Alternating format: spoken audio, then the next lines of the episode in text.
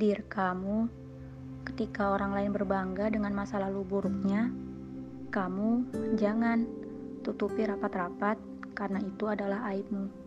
Sebab bisa jadi yang meneladani dirimu mengambil hal buruk itu untuk dipraktekkan dalam hidupnya. Dir kamu, ketika orang lain berbangga atas sebuah prestasi, kamu jangan setir hatimu, arahkan lurus-lurus niatmu.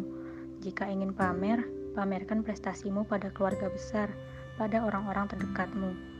Karena mereka berhak tahu segala kabar baik darimu, bukan hanya mencari mereka saat kamu tertimpa kabar buruk.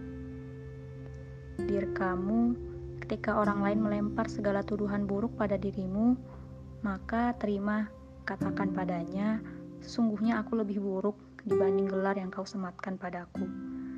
Katakan pada dirimu bahwa kau sudah berusaha jadi baik. Hanya saja, kita tidak dapat membuat semua orang senang padamu.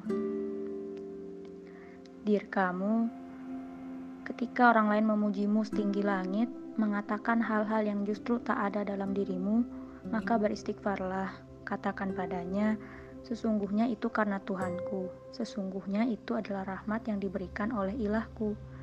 Katakan pada dirimu bahwa kamu tak pantas atas segala pujian itu, bahwa yang mengatakan itu saja jauh lebih-lebih-lebih baik darimu, bahwa usahamu saja belum menyamai dia. Bagaimana mungkin pujian itu melekat pada dirimu, bukan dirinya? Diri kamu, semangat ya! Kata sahabatmu, kalau kita ingin hati orang lain terbuka pada kita, maka caranya deketin maha pemilik hati dulu. Minta padanya supaya dia membuka hati kita.